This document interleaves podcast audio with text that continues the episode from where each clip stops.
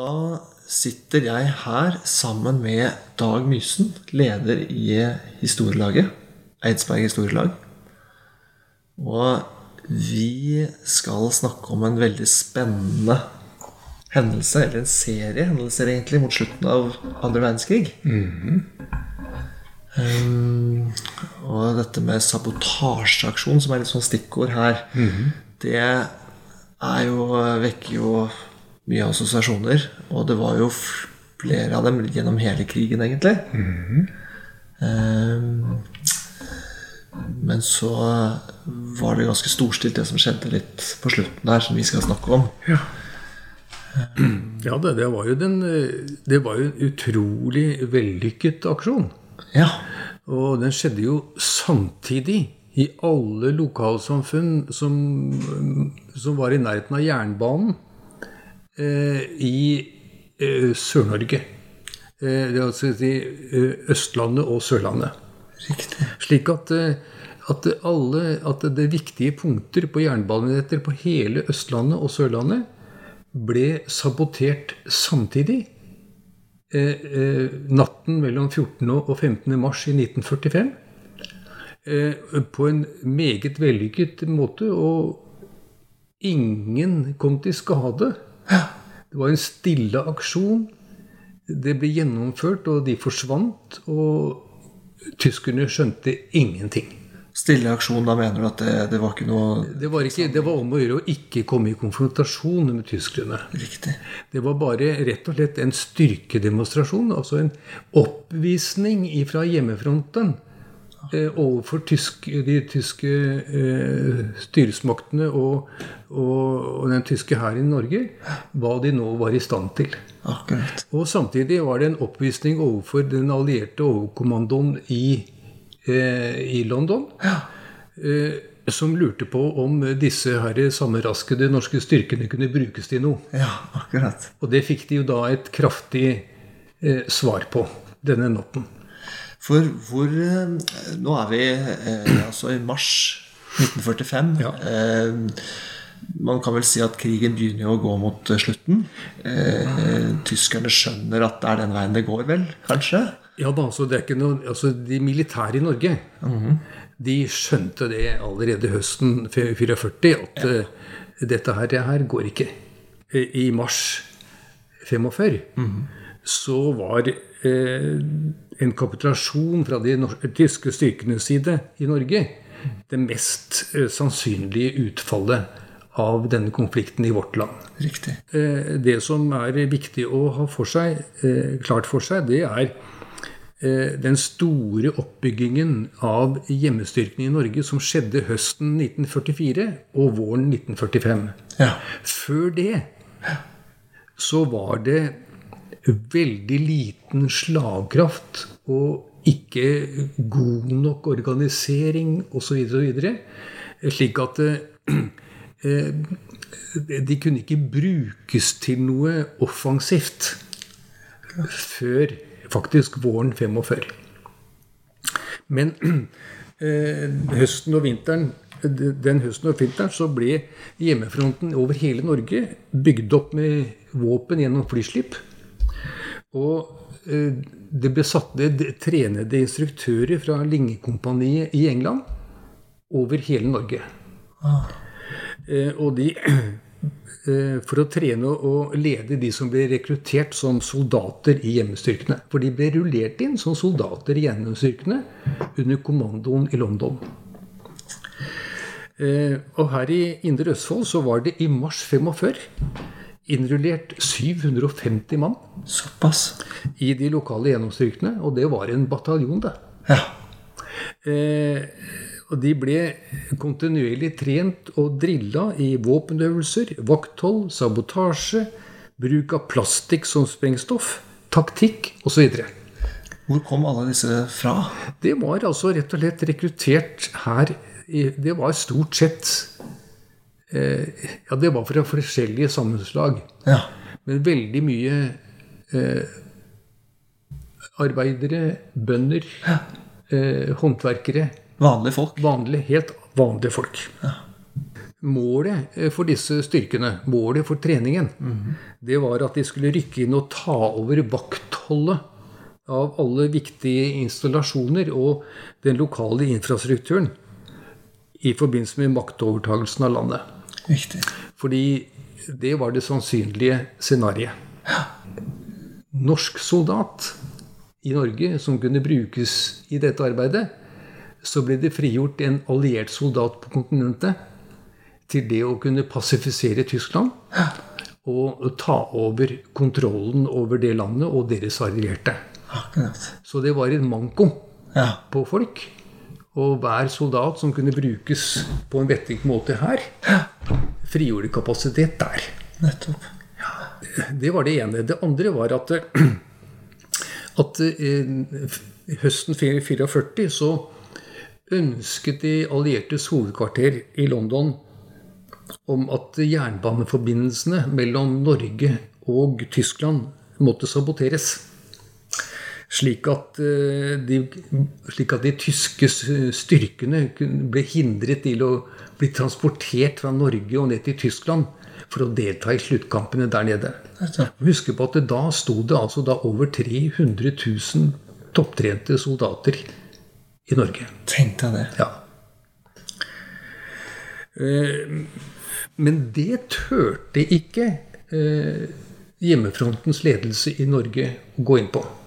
Fordi at høsten 44 så var de norske styrkene for få. De var for dårlig trent, for dårlig organisert. Slik at hvis de prøvde seg på noe, så ville det bare bli katastrofe og ikke fått noe positivt eh, utfall. Så det sa de klart at det fikk de ikke til. Men det viste seg ganske snart ikke å bli nødvendig. Fordi eh, troppetransportskipet Donau, som da var den andre muligheten, den ble torpedert av Max Manus eh, 15.1 i 45.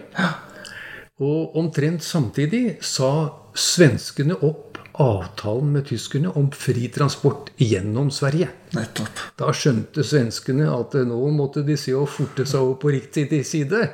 Så da, da bytta de side, rett og slett.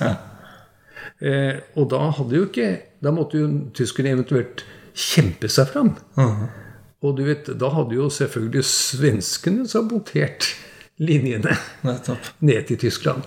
Så de satt her og kunne ikke komme noe sted. Og da eh, var den strategiske viktigheten av å sprenge i filler jernbanelettet, den var egentlig borte.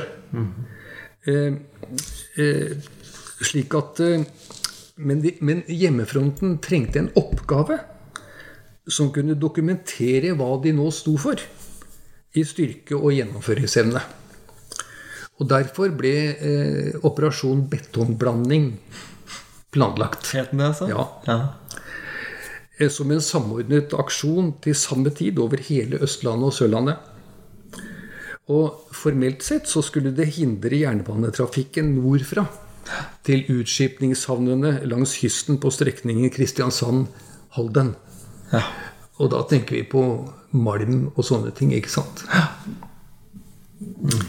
Men alle store installasjoner i jernbanenettet skulle spares, som burde være nødvendig å holde intakte hvis det ble aktuelt med en samordnet svensk-norsk innmarsj for å tvinge fram en kopulasjon. Så de store Store installasjonene skulle spares? installasjoner skulle spares. I vårt distrikt så gjaldt det brua, jernbanebrua over Langnes, altså Glomma. Sarpsborg. Rollsøsund bru. Bruene over Mosseelva, Hørnelva, Tomterviaduktet. Og hele strekningen Oslo-Ski skulle spares av hensyn til tilførslene til befolkningen i hovedstaden. Var det eh, klart på forhånd akkurat hvilke Eller var det størrelsen man tok en eh, Altså- avledning på? Alt var avklart på forhånd. Ja. Og det var planlagt i til minste detalj. Til minste punkt. Akkurat. Altså hvilke penser skulle, skulle Ikke sant? Helt ned til hvilke penser. Hvilke jernbanesviller, nesten. Ikke sant? Ja, slik at eh, det var en veldig godt planlagt aksjon. Den skulle utføres da som stille sabotasje. Man skulle ikke gå i kamp med tyskerne. Man skulle gjennomføre aksjonen i stillhet og forsvinne ubemerket. Og alle aksjonene over hele Norge skulle utføres på samme tidspunkt. For en operasjon. Og det ble gjort. Og i vårt avsnitt, som var avsnitt 11.4 i hjemmefronten, Askim, Trøgstad, Mysen, Rakstad og Ørje, hadde da Sigvart Holm på Mysen som avsnittssjef. Og fire godt trente linjekarer ble satt ned 2. mars for å trene jegerne våre her. Eh, de fikk også med seg en radiotelegrafist som opprettet radiostasjon på Hungervann inne i, i, i Hærlandmarka mot Marker. Så de trente da de som skulle sabotere stasjonene på Slitu, Eidsberg og Heia. Men sabotasjen mot Mysen stasjon var så omfattende at det ville kreve så mange jegere at det ble satt inn en egen instruktør fra Sverige for å trene Mysen-sabotørene. Det var 15 mann. Ja. Og det var altså da 16 punkter på Mysen stasjon som skulle saboteres og sprenges. Ganske mye bare her, da. Ja, det er det. Så, eh, så mannskapene som sprengte Mysen stasjon, de ble trent på Svenneby i Hærland. Og, bodde i et, og han, instruktøren bodde i hønsehuset på hønseharmen til Helge Lundeby. Ja, lokale forhold, da. Ja.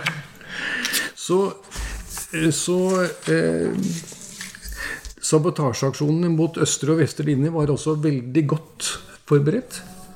Og mesteparten av det som trengtes av våpen, ammunisjon, sprengstoff og annet utstyr til eh, lokalaksjonene, var eh, sluppet ut i fallskjerm på Vardemosen i september og på Kjelemosen i desember 1944. Og der er det nå opprettet krigsminnesmerker. Er det inne i I Trøndelagsfjellet? Trøndelag Der står de. eh, Ved Bleskjenn eh, ved Nordre Stange Varde. Og på Kjelemosen eh, eh, eh, På veien mellom, eh, mellom Kulevannsaga og, og Stålsvannet.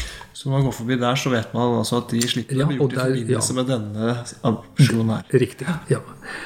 Og sprengladdene var gjort ferdige av, eh, av eh, instruktørene. Med en eh, forsinkelse på 20 minutter. Ja. Men eh, forsinkelsen var jo kalibrert etter de klimatiske forholdene i England. ja. Og i mars så var det jo kjempekaldt, ikke sant? Eh, så eh, forsinkelsen ble Det tok opptil to timer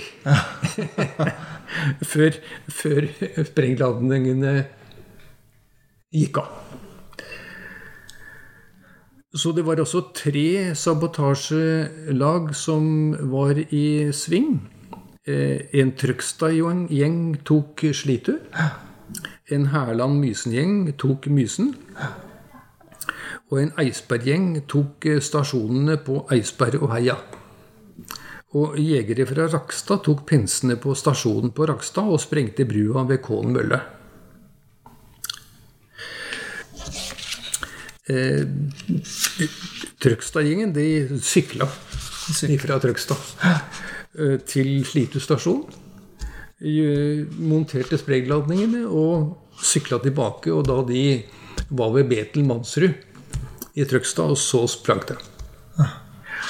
Og Det kunne jo gått uh, galt da med den lange forsinkelsen. Det kunne jo skapt problemer. På Ja, men det var midt på natta. Det var jo altså da dette her ble montert sånn ved tolvtiden, og så sprang det eh, Detonerte de mellom ett og to om natta. Ja. Og ingen var ute da. Nei. Og på Mysen så var det jo nesten ikke en hel glassrute igjen, ikke sant. Eh, eh, en jente som overnatta i Degnesgården, som vi kalte det, eh, i David Blids gate, eh, i annen etasje, hun lå på en divan og fortalte at, at trykkbølgene som slo inn i husveggen, tok selvfølgelig vindusrutene. Ja. Og trykkbølgene flytta divanen midt ut på gulvet. Som hun lå oppi. ja. Det var vettaskreft, selvfølgelig. Ja. hun visste ingenting, selvfølgelig. så- Ingenting. Ingenting. Så eh, det var veldig bra eh, gjennomført, og alt gikk fint. Det, det- det eneste som skjedde, var at Mysen, brua over Mysenelva den datt ikke helt ned. Eh, eh, bruhodet på sydsiden, altså mot eh, Eidsberg stasjon, den ble sprengt av. Men den på Mysen-siden holdt. Akkurat. Eh, slik at brua da datt ned sånn på 45 graders vinkel. Ja, akkurat. Og så datt den ordentlig ned eh, tre dager etterpå, da tyskerne prøvde å reparere. For da kjørte de ut en svær vinsj ut på, ut på den der Ja, og da datt den. Da datt den. Ja. Og det var det mange som skada seg i det fallet. Akkurat. Så um, Det var altså da um, og- Og så vet vi at eh, ingen tyskere rykket ut denne sabotasjenatten. De ble i sine forregninger overalt og rørte seg ikke før dagslyset kom. Selv om de om har hørt sprengningene? Ja, men sånt. altså, de visste ikke. De skjønte ikke. Og de var rett og slett ja, De visste ikke hva de skulle De, de, de valgte å sitte stille. Ja. Så de var nervøse og ampre, og, og de visste ikke hva de ville møte. Men opprydningen begynte umiddelbart, og det hadde jo selvfølgelig de norske myndighetene kalkulert med. At de, de saboterte akkurat så mye at de ville rekke å bygge alt opp igjen innen freden kom. Og det klarte de. Ja. Både på østre og vestre linje. Østre linje ble faktisk eh, oppe og gikk, var oppe og gikk allerede tre uker etter sabotasjeaksjonen. Og på vestre linje så tok det fem uker. Såpass, ja. Det gikk fort. da. Men da mai kom, så var alt i orden. Tyskerne var effektive. Eh, så eh,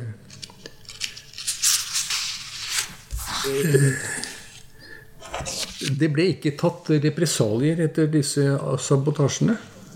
For tyskerne kunne ikke tro at en slik samordnet aksjon over store deler av landet kunne utføres utelukkende av lokale krefter.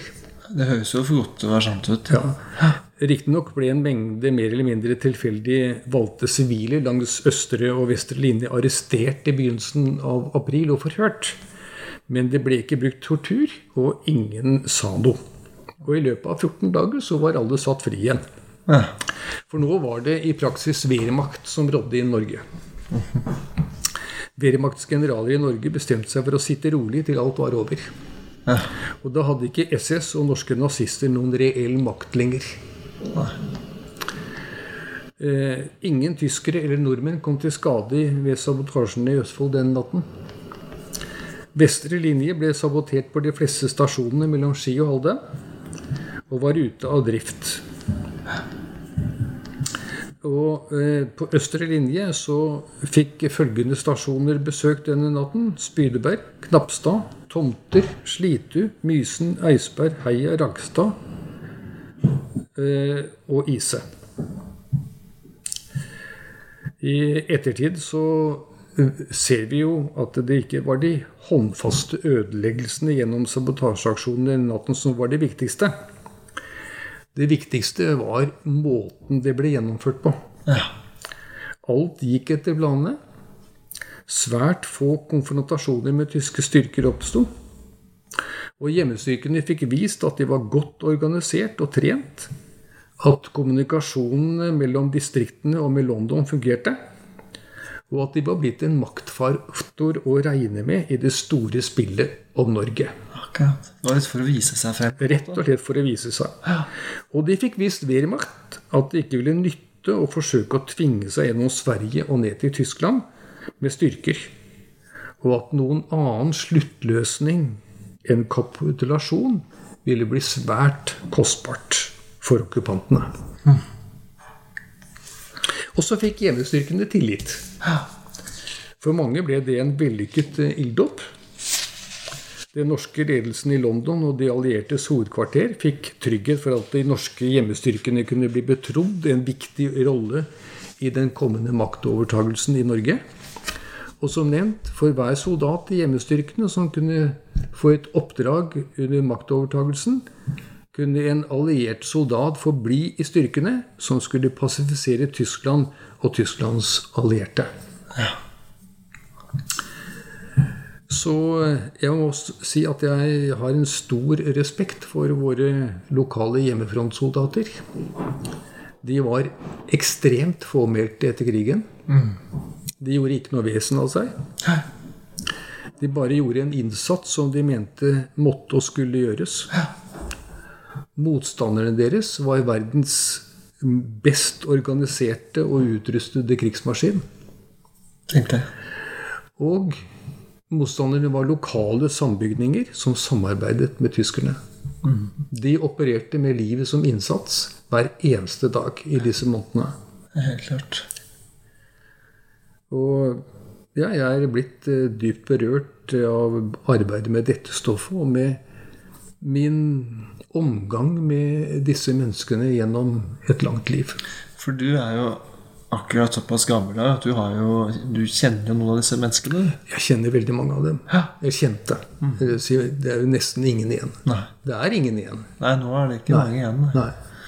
Det er det ikke. Eh, så, så det var Det har vært et privilegium å lære dem å kjenne. Og de holdt tett hele livet. Når de snakker om andre verdenskrig, eh, for du har sikkert hatt noen samtaler med dem om, om ulike ting, kanskje ikke nødvendigvis akkurat dette, hva er det de trekker frem som liksom det sterkeste inntrykket de sitter igjen med?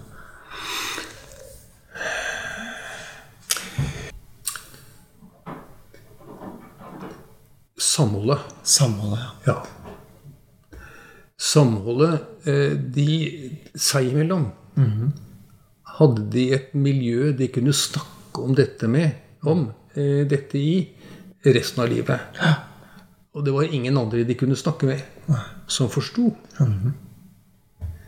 Og sånn er det med alle slike ekstreme ting. ja.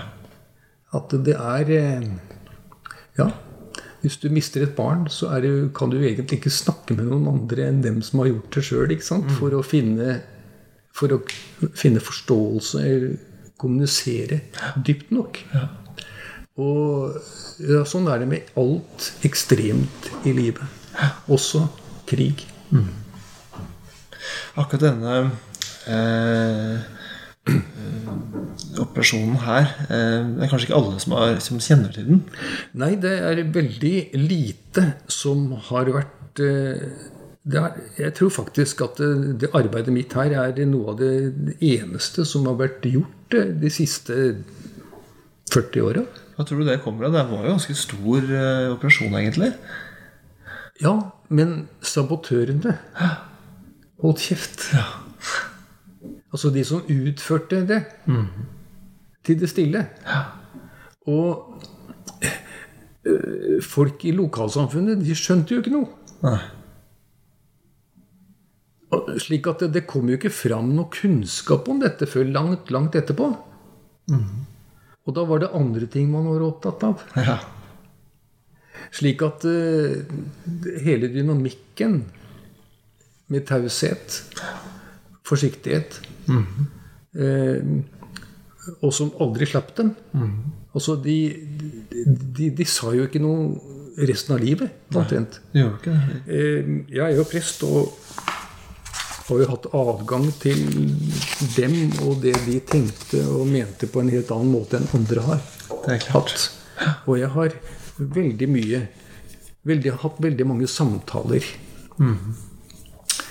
som kanskje er det, det eneste disse menneskene har hatt med en i gåseøyne utenforstående. Det. Inkludert familie. Ja, inkludert, ikke sant? Ja, det gir jo deg en posisjon eh. Ja, ja.